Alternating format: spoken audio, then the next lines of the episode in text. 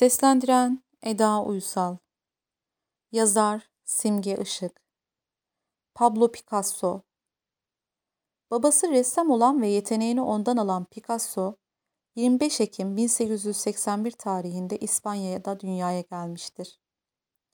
Babasının verdiği resim dersleri ile resim yeteneği iyice ortaya çıkmıştır. Picasso, 1895 yılında Barcelona Güzel Sanatlar Okulu'nda okumaya başlamıştır.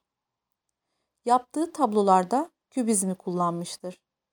Hatta Picasso, kübizmin öncülerinden biri sayılmaktadır.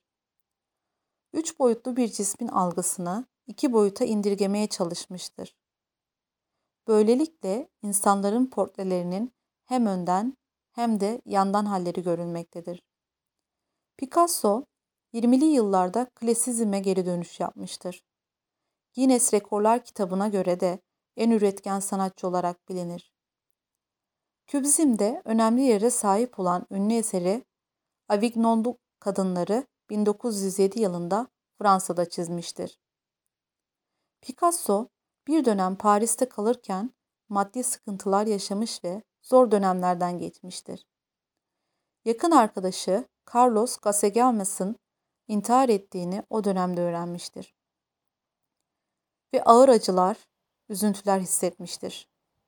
Bu dönem Picasso dünyasında mavi dönem olarak bilinir. Bu dönemde resme yansıttığı her şey mavi tonlarında olup hüzün, melankoli, çaresizlik hissettirir.